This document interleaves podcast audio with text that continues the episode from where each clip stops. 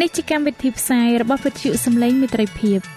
វិទ្យុសំឡេងមេត្រីភាពសូមស្វាគមន៍អស់លោកអ្នកស្ដាប់ទាំងអស់ជាទីមេត្រី នាងខ្ញុំសេកសុចិន្តាវតីហើយខ្ញុំបាទអង្ចាន់វិជ្ជៈក៏សូមស្វាគមន៍លោកអ្នកស្ដាប់ទាំងអស់ផងដែរនៅពេលនេះយើងខ្ញុំមានសេចក្តីសុំមនស្សរីករាយដោយបានវិលមកជួបអស់លោកអ្នកនាងកញ្ញាអ្នកស្ដាប់សាជាថ្មីម្ដងទៀត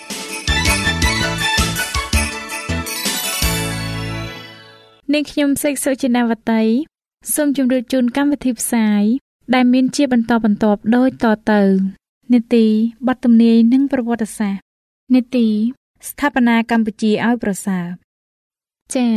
លោកអ្នកស្ដាប់ជាទីមេត្រី នាងខ្ញុំសូមគោរពអញ្ជើញអស់លោកលោកស្រី អ្នកនាងកញ្ញាតាមដានស្ដាប់កម្មវិធីផ្សាយរបស់វិទ្យុយើងខ្ញុំដូចតទៅ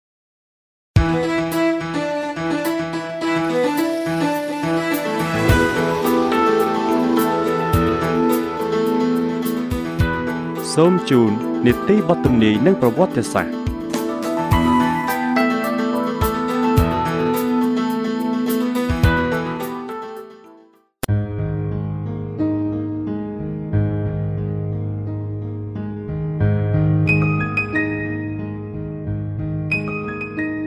ខ្ញុំបាទសូមជម្រាបសួរដល់អស់លោកលោកស្រីនិងប្រិយមិត្តដែលស្ដាប់វិទ្យុសំឡេងមេត្រីភាពជាទីមេត្រីហើយសូមឲ្យព្រះគុណនិងសេចក្តីសុខសាន្តបានចម្រើនដល់លោកអ្នក ឲ្យបានស្គាល់ព្រះនិងព្រះយេស៊ូវគ្រីស្ទជាព្រះអម្ចាស់នៃយើងរាល់គ្នាតាមរយៈមេរៀននៅថ្ងៃនេះសម្រាប់នេតិបទទំនាយនិងប្រវត្តិសាស្ត្រនៅថ្ងៃនេះផងដែរខ្ញុំបាទសូមលើកយកចម្ពោះទី12ដែលមានចំណងជើងថាលទ្ធិកែតម្រង់នៅប្រទេសបារាំងអស់លោកអ្នកស្ដេចជាទីមេត្រីបន្ទាប់ពីលោកអ្នកបានស្ដាប់អំពីការតវ៉ាជំទាស់ទៅនឹងវិហារកាតូលិកនៅប្រទេសអង់គ្លេសប្រទេសអាល្លឺម៉ង់និងនៅកន្លែងផ្សេងទៀតរួចមកនៅចំពុកទី12នេះលោកអ្នកនឹងបានស្ដាប់អំពី លទ្ធិកែតម្រង់នៅប្រទេសបារាំងតើការកែតម្រង់នៅប្រទេសបារាំងមានការខុសគ្នានៅប្រទេសផ្សេងផ្សេងដែរឬទេដូច្នេះខ្ញុំបាទអនយរិតសូមជម្រាបជូនលោកអ្នកស្ដាប់នៅចម្ពោះទី12ភាគទី1នេះដូចតទៅបន្ទាប់ពីការប្រកែកជំទាស់នៅទីក្រុងស្ប៉ាយនិងការថ្លែងជំនឿជាលាយលក្ខណ៍អសរនៅទីក្រុងអុកបោកមកនោះមានការប៉ះទង្គិចនឹងភាពងងឹតអស់ជាច្រើនឆ្នាំ ដោយមានភាពទន់ខ្សោយ ព្រោះការបាក់បែកគ្នាលទ្ធិប្រូតេស្តង់និយម ហាក់ដូចជាបានឈានឆ្ពោះទៅរកសេចក្តីហិនវិនិច្ឆ័យទាំងស្រុងប៉ុន្តែ នៅក្នុងពេលដែលមើលទៅ ហាក់ដូចជាខ្លួនមានជាជំនះនោះព្រះចៅអធិរាជត្រូវបានគេកំទេចឲ្យបរាជ័យវិញ នៅទីបំផុតទ្រង់ក៏ត្រូវបង្ខំឲ្យផ្ដល់ការអត់ឱនដល់គោលលទ្ធិដែលទ្រង់មានហិច្ចតាចង់បំផ្លាញចោលក្នុងជីវិតរបស់ទ្រង់ព្រះចៅអធិរាជឃើញកងទ័ពរបស់ទ្រង់ត្រូវទន់ខ្សោយដោយសង្គ្រាម ទ្រព្យសម្បត្តិក៏ត្រូវខាតបង់នគរជាច្រើនរបស់ទ្រង់ទទួលការគម្រាមកំហែងដោយការបះបោរនៅពេលដែលជំនឿដែលទ្រង់ខំប្រឹងគៀបសង្កត់កំពុងរីករាលដាលឡើងគ្រប់ទីកន្លែងព្រះចៅអធិរាជឆាលទី5កំពុងធ្វើសង្គ្រាមប្រឆាំងនឹងអំណាចដ៏ប្រកបដោយសទានុភាពព្រះទ្រង់មានបន្ទូលថាចូលឲ្យមានពន្លឺឡើងប៉ុន្តែព្រះចៅអធិរាជបានស្វែងរកវិធីរក្សាភាពងងឹត មិនឲ្យបែកបាក់បាន ដោយបានខ្សោះល្វើយជាមួយនឹងការតស៊ូដ៏យូរអង្វែងព្រះចៅក៏បានដាក់រាជបល្ល័ង្កចុះរួចទៅបង្កប់ខ្លួន នៅក្នុងទីវត្តអារាមមួយ នៅប្រទេសស្វីសវិញ នៅពេលដែលតំបន់នយោបាយទាំងឡាយបានទទួលនៅទម្រង់ជំនឿថ្មី អ្នកដទៃទៀតក៏បានតោងជាប់ទៅនឹងគោលជំនឿរបស់រ៉ូមការបៀតបៀនក៏បណ្ដាលឲ្យមានសង្គ្រាមស៊ីវិលផុសឡើង លោកស្វីងកាលី និងគ្នារបស់គាត់ជាច្រើន ដែលបានរួបរวมគ្នា ក្នុងការកែតម្រង់បានធ្លាក់ទៅក្នុងវាលឈាមនៅកាប៉ែលរ៉ូមបានទទួលជាជំនះ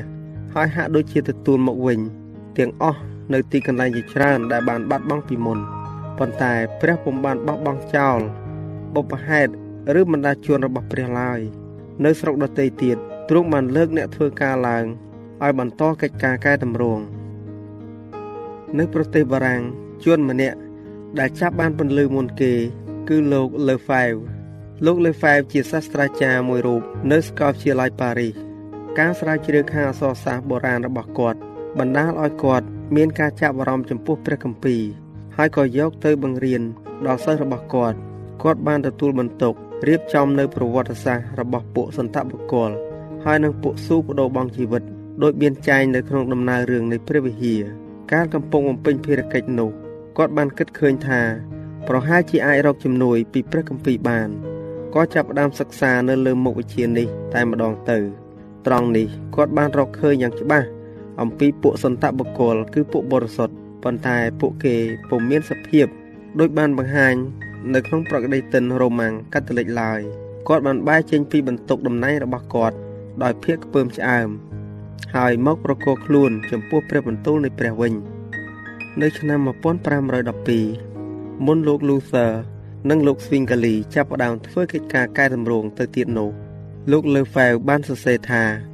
គឺព្រះទេដែលប្រទានឲ្យយើងនៅសេចក្តីសុចរិតដោយជំនឿដែលផ្ដល់ជីវិតអស់កល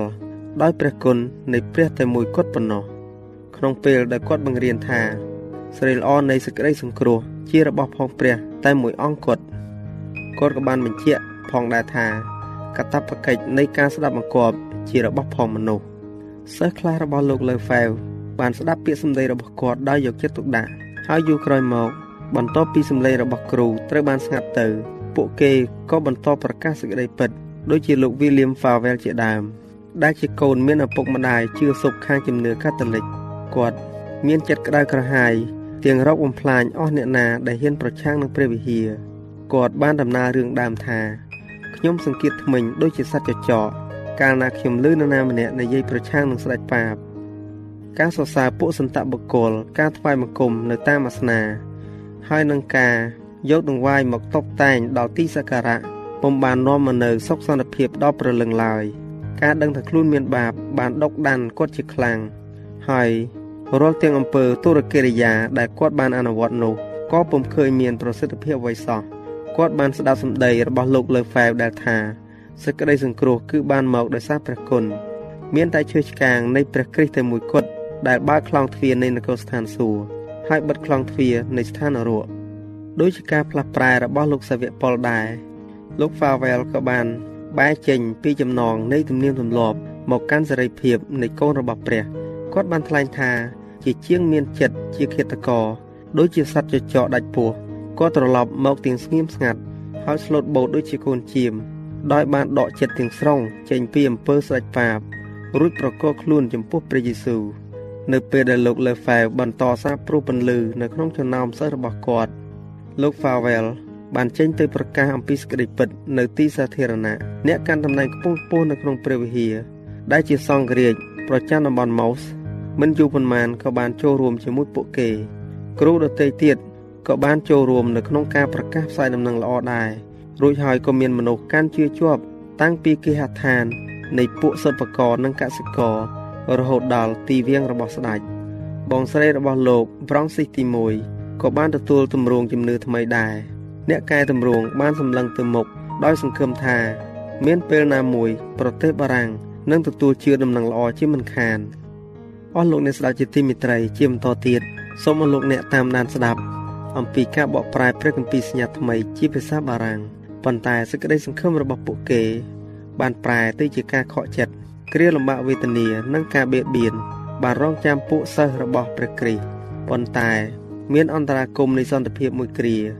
បានចូលមកដល់ដើម្បីឲ្យពួកគេអាចប្រមូលកម្លាំងទប់ទល់នឹងព្យុះសង្គ្រាមនេះបាន ហើយលទ្ធិកែតម្រង់ក៏មានការរីកចម្រើនយ៉ាងឆាប់រហ័សលោកលើហ្វែវបានទទួលបន្ទុកបកប្រែព្រះគម្ពីរសញ្ញាថ្មី ហើយនៅពេលជាមួយគ្នានោះដែរដែលព្រះគម្ពីរជាភាសាអាល្លឺម៉ង់របស់លោក Luther បានចេញបោះពុម្ពនៅ Wittenberg ព្រះគម្ពីរសញ្ញាថ្មីជាភាសាបារាំងត្រូវបានបោះពុម្ពផ្សាយនៅទីក្រុងម៉ូសដែរមិនយូរប៉ុន្មានជួនកសិករនៅទីក្រុងម៉ូសមានព្រះគម្ពីរបរិសុទ្ធផ្ទាល់ខ្លួនគ្រប់គ្រប់គ្នាពួកពលករនៅក្នុងទីវាលហើយនិងពួកសិប្បករនៅក្នុងរោងជាង មានកម្លាំងចិត្តចំពោះកិច្ចការប្រចាំថ្ងៃដ៏លំបាករបស់ខ្លួន ដោយបាននិយាយគ្នាអំពីសេចក្តីពិតដ៏វិសេសវិសាលនៃព្រះគម្ពីរទោះបើស្ថិតនៅក្នុងវណ្ណៈទាបជាកសិករខ្វះខាត ខ្វះការរៀនសូត្រហើយជាអ្នកធ្វើការដោយហត់នឿយក៏ដោយក៏មានឃើញទម្រង់ថ្មី និងអំណាចព្រះចេស្តាដ៏ថ្កុំថ្កើងនៃព្រះគុណនៅក្នុងជីវិតរបស់ពួកគេដែរពន្លឺដែលបានឆេះឡើងនៅក្នុងទីក្រុងមកជាកម្មរស្មីដល់ទីឆ្ងាយឆ្ងាយចំនួននៃអ្នកប្រែចិត្តជឿបានកើនឡើងជារៀងរាល់ថ្ងៃ ពួកអ្នកកាន់តំណែងខ្ពង់ខ្ពស់បានពុះកំហឹងឡើង ហើយត្រូវបានទប់ដោយស្ដេចអស់មួយរយៈប៉ុន្តែនៅទីបំផុតពួកមេដឹកនាំព្រះវិហារកាតូលិកបានឈ្នះបង្គោលពិឃាតត្រូវបានដាំឡើង មានមនុស្សជាច្រើនបានធ្វើទីបន្ទាល់អំពីសក្តិពិតនៅក្នុងអណ្ដាតភ្លើង នៅក្នុងមន្ទីរដ៏ស្ដុកស្ដំនៃប្រាសាទនិងព្រះរាជវាំងក៏មានពួកអ្នកខ្ពង់ខ្ពស់ដែលបានចាត់ទុកសេចក្តីពិត ថាមានតម្លៃលើទ្រព្យសម្បត្តិបុណ្យស័ក្តិឬក៏ជីវិតខ្លួនទៅទៀតលោក Louis de Berquin ពីកំណើតមានចិត្តខ្ជាប់ខ្ជួនចំពោះការសិក្សា មានរឹកពីថ្លៃថ្នូរគ្មានការបន្ទោសបានដល់ផ្នែកសិលធម៌ឡើយគាត់បានប្រដាប់ខ្លួនដោយអស់ទាំងគុណធម៌ដទៃទៀតដោយការលទ្ធិរ៉ូមនិយមហើយគាត់មានការស្អប់ខ្ពើមដល់លទ្ធិ Luther និយមជាខ្លាំង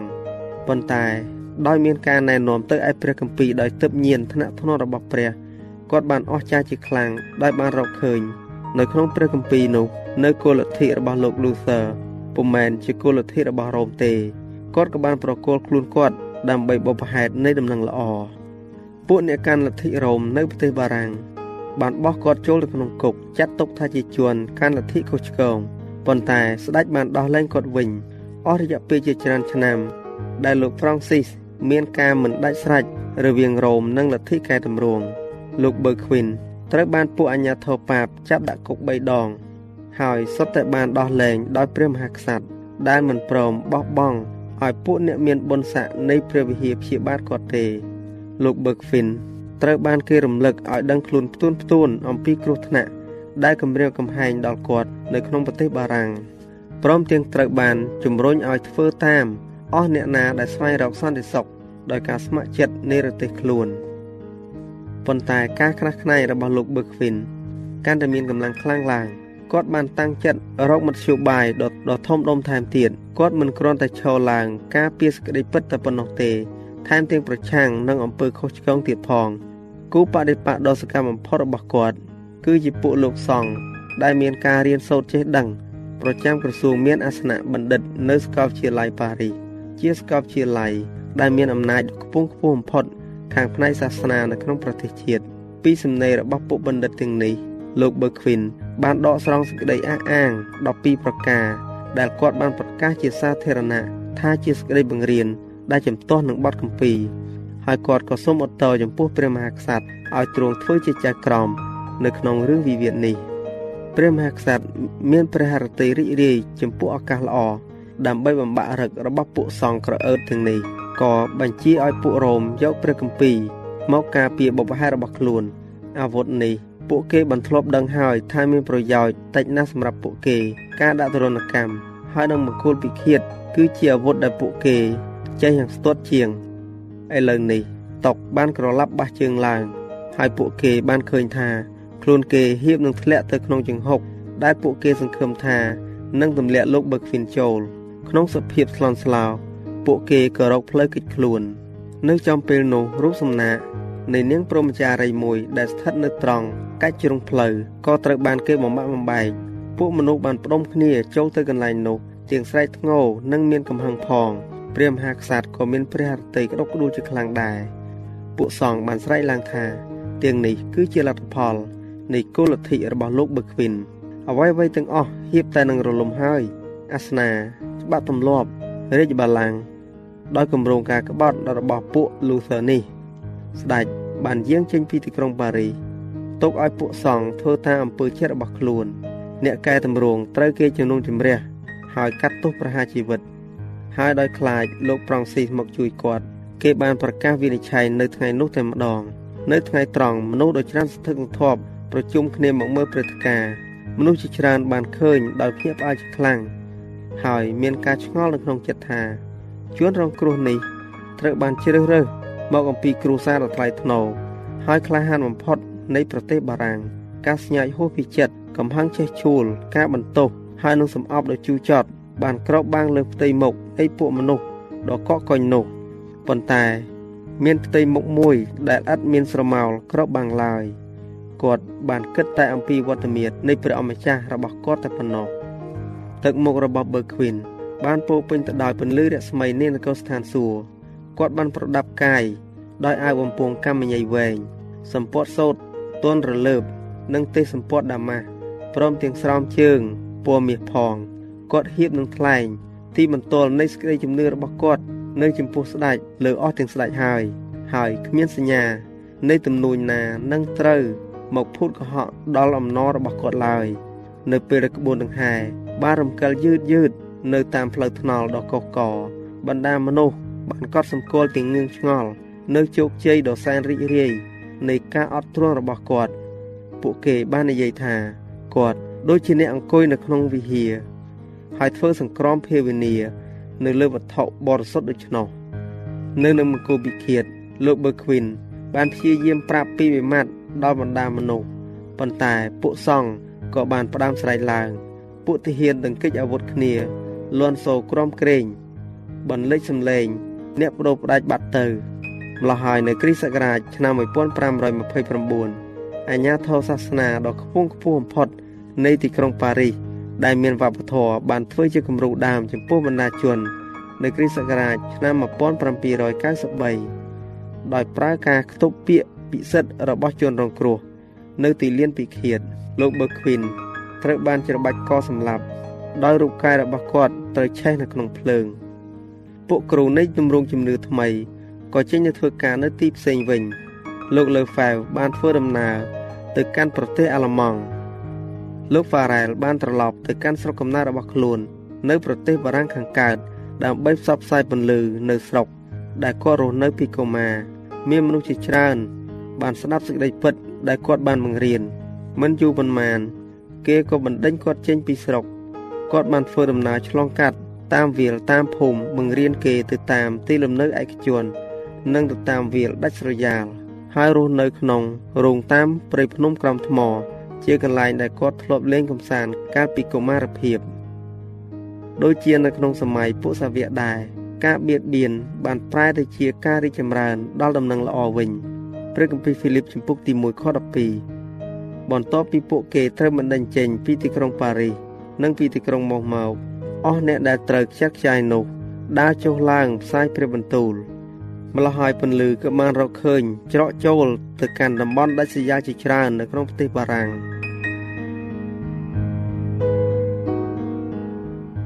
ចា៎ដោយពេលវេលាមានកំណត់យើងខ្ញុំសូមអនុទី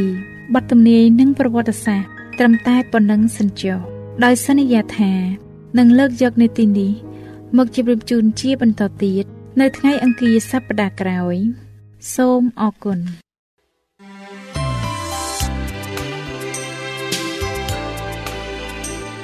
វិទ្យុសំឡេងមេត្រីភាព AWR ជាវិទ្យុដែលនាំមកពីក្នុងការនាំព្រះរាជសាររបស់ព្រះជាម្ចាស់សម្រាប់លោកអ្នក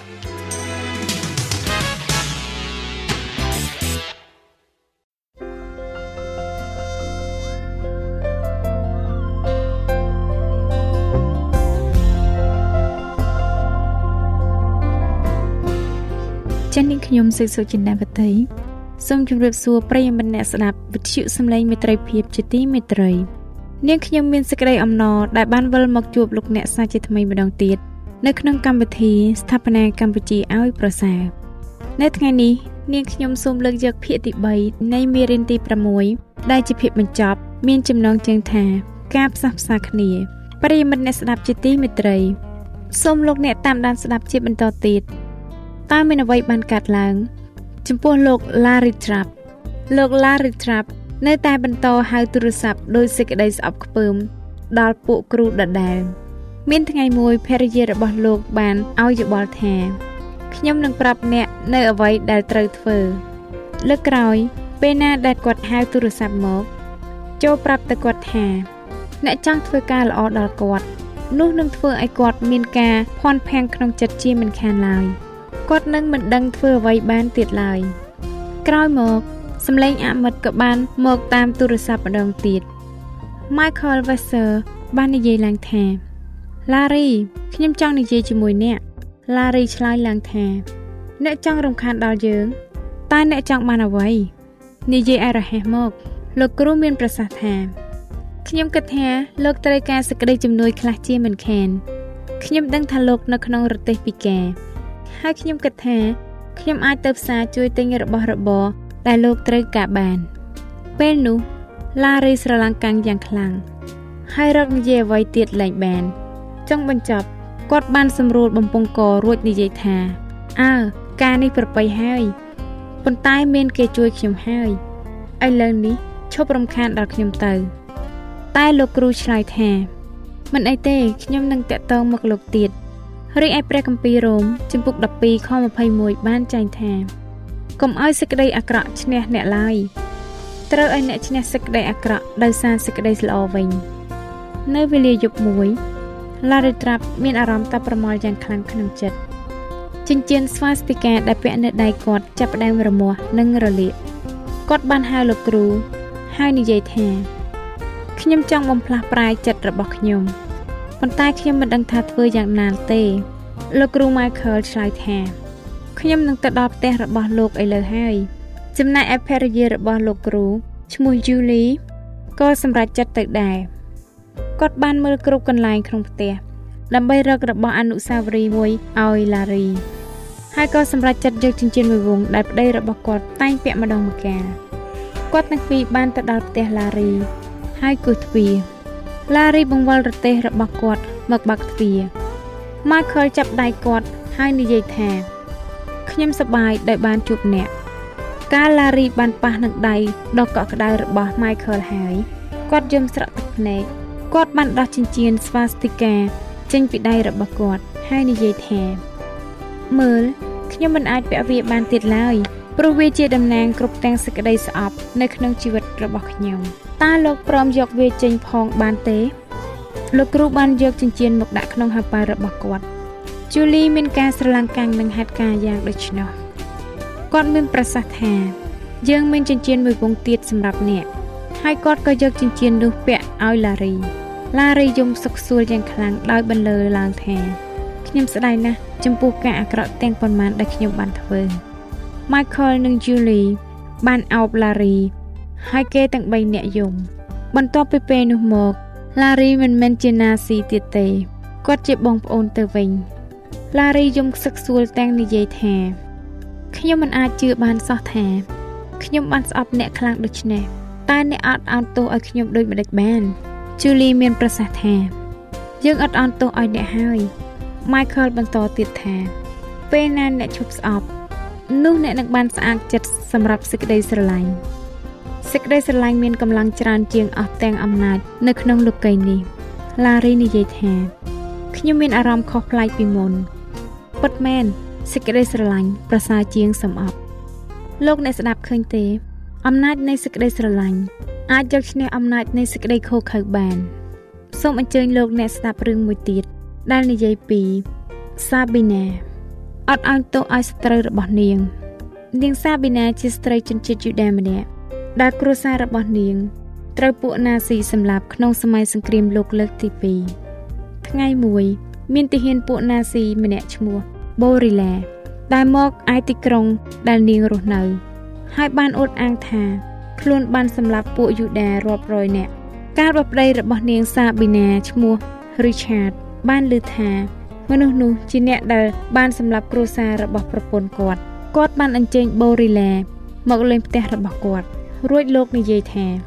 ខ្ញុំមានរឿងសំខាន់មួយនឹងប្រាប់អ្នកបើអ្នកក្រឡេកមើលតាមវាំងនននេះអ្នកនឹងឃើញមនុស្សម្នាក់ដែលដេកនៅក្នុងបន្ទប់ជាប់នោះនោះគឺសាប៊ីណា ជាប្រពន្ធរបស់ខ្ញុំអ្នកជាមនុស្សដែលបានសម្លាប់គ្រួសាររបស់នាងឥឡូវនេះខ្ញុំនឹងដាស់ប្រពន្ធខ្ញុំឡើង ហើយប្រាប់នាងថា អ្នកជានរណា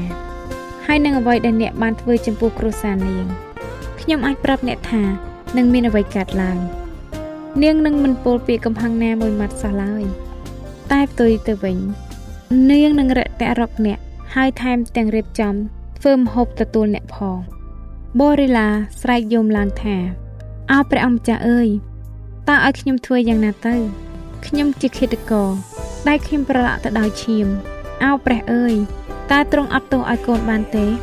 បូរីឡាយំក្តុកក្តួលដោយការឈឺចាប់រីឆាតបានដាស់ប្រពន្ធឡើង ហើយប្រាប់ទៅនាងថា អូនអើយមានមនុស្សម្នាក់ដែលអូនត្រូវជួបគេជាអ្នកដែលបានសម្លាប់គ្រួសាររបស់អូនប៉ុន្តែឥឡូវនេះ គេបានប្រែចិត្តហើយ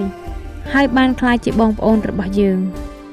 សាប៊ីណាចេញមកហើយក៏ទទួលបូរីឡាដោយរាក់ទាក់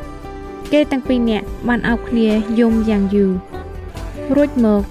សាប៊ីណាបានរៀបចំធ្វើបាយទឹកទទួលបូរីឡាបូរីឡាដែលពីមុនជាឃាតករ បានក្លាយទៅជាមនុស្សម្នាក់ដែលមានចិត្តសប្បុរសហើយល្អវិញជាចុងក្រោយមុននឹងជម្រាបលាលោកអ្នកស្ដាប់នាងខ្ញុំសូមលើកយករឿងមួយទៀតតែបានចែងទុកនៅក្នុងព្រះគម្ពីរម៉ាថាយជំពូក18ខ21ដល់ខ35មានស្ដេចមួយអង្គបានជ្រាបថាអ្នកបម្រើរបស់ទ្រង់ម្នាក់បានបន្លំលួចប្រាក់ពីទ្រង់ការទ្រង់ចាប់តាំងគិតនោះគេនាំកូនបំណុលម្នាក់មកដែលចម្ពាក់ប្រាក់ពីរកោតតែដោយព្រោះអ្នកនោះគ្មានអ្វីនឹងសង បានជាចវាយបង្គាប់ឲ្យលក់ខ្លួនវាព្រមទាំងប្រពន្ធកូន និងរបស់ទាំងអស់ដើម្បីនឹងសងបំណុលនោះហេតុដូច្នេះបាវនោះបានទម្លាក់ខ្លួនក្រាបចុះថ្វាយបង្គំទូលថាបបិទ្ធព្រះករុណាសូមទ្រង់មេត្តាបង្អង់ឲ្យទូលបង្គំសិនទូលបង្គំនឹងសងថ្វាយទ្រង់គ្រប់ចំនួនឯចវាយរបស់បាវនោះមានប្រតិក្តុកក្ដួលអាណិតក៏លែងវាឲ្យទៅព្រមទាំងលែងទាបំណុលផង តែកាលបាវនោះបានចេញទៅហើយក៏ជួបប្រទះនឹងគូកនម្នាក់ដែលចម្ពាក់ខ្លួន20រៀលនោះវាចាប់ច្របាច់កអ្នកនោះ ដោយពាក្យថាចូលសងប្រាក់ដែលចម្ពាក់អញនោះមក អ្នកនោះក៏ទម្លាក់ខ្លួនក្រាបចុះនៅទៀបជើង សូមអង្វរថាសូមមេត្តាបងអង្គឲ្យខ្ញុំសិនខ្ញុំនឹងសងជូនអ្នកតែវាមិនព្រមទេ ត្រឡប់ជាបានចាប់អ្នកនោះនាំទៅដាក់គុកវិញទាល់តែបានសងបំណុលរួច កាលពួកគូកនគេបានឃើញការនោះ គេមានចិត្តឈឺឆ្អែលណាស់ក៏នាំគ្នាទៅទូលដល់ចៅវាយពីការទាំងប៉ុន្មានដែលកាត់មកចៅវាយក៏ឲ្យគេហៅបាវនោះមក រួចមានព្រះបន្ទូលថាណែអាបំរើអាក្រក់អញបានលែងទាបំណុលឯងទាំងអស់ហើយតើពីព្រោះឯងបានអង្វរដល់អញដូច្នេះតើមិនគួរឲ្យឯងអាណិតមេត្តាដល់គូកនឯងដូចជាអញបានអាណិតមេត្តាដល់ឯងដែរទេឬអី ចៅវាយក៏មានសេចក្តីក្រោធហើយបញ្ជូនវាទៅឯមេឃុំទាល់តែបានសងបំណុលនោះគ្រប់ចំនួនព្រះយេស៊ូវបានមានបន្ទូលថាត្បិតបើអ្នករកគ្នាអត់ទោសចំពោះការរំលងច្បាប់ ដែលមនុស្សលោកប្រព្រឹត្តហើយនោះព្រះបិតានៃអ្នកដែលគង់នៅស្ថានសួគ៌ទ្រង់នឹងអត់ទោសឲ្យអ្នករាល់គ្នាដែរតែបើអ្នករាល់គ្នាមិនអត់ទោសចំពោះការរំលងច្បាប់ឲ្យគេទេនោះព្រះបិតានៃអ្នកទ្រង់ក៏មិនអត់ទោសចំពោះការរំលងច្បាប់ ដែលអ្នករាល់គ្នាបានប្រព្រឹត្តធ្វើដែរអស់លោកលោកស្រី អ្នកនាងកញ្ញាអ្នកស្ដាប់វិទ្យុសំឡេងមេត្រីភាពជាទីមេត្រីដោយសារពេលវេលាមានកំណត់នាងខ្ញុំសេកសុចិនាវតីសូមជម្រាបលាលោកអ្នកស្ដាប់ត្រឹមតែប៉ុណ្ណេះសិនចុះដោយសន្យាថានឹងវិលមកជួបលោកអ្នកម្ដងទៀតនៅពេលក្រោយសូមឲ្យព្រះអង្គម្ចាស់យេស៊ូវគ្រីស្ទទ្រង់បានសេរីល្អនិងសូមឲ្យលោកអ្នកបានប្រកបដោយព្រះគុណ ដល់រាបដល់អកលជានិច្ចអាមែន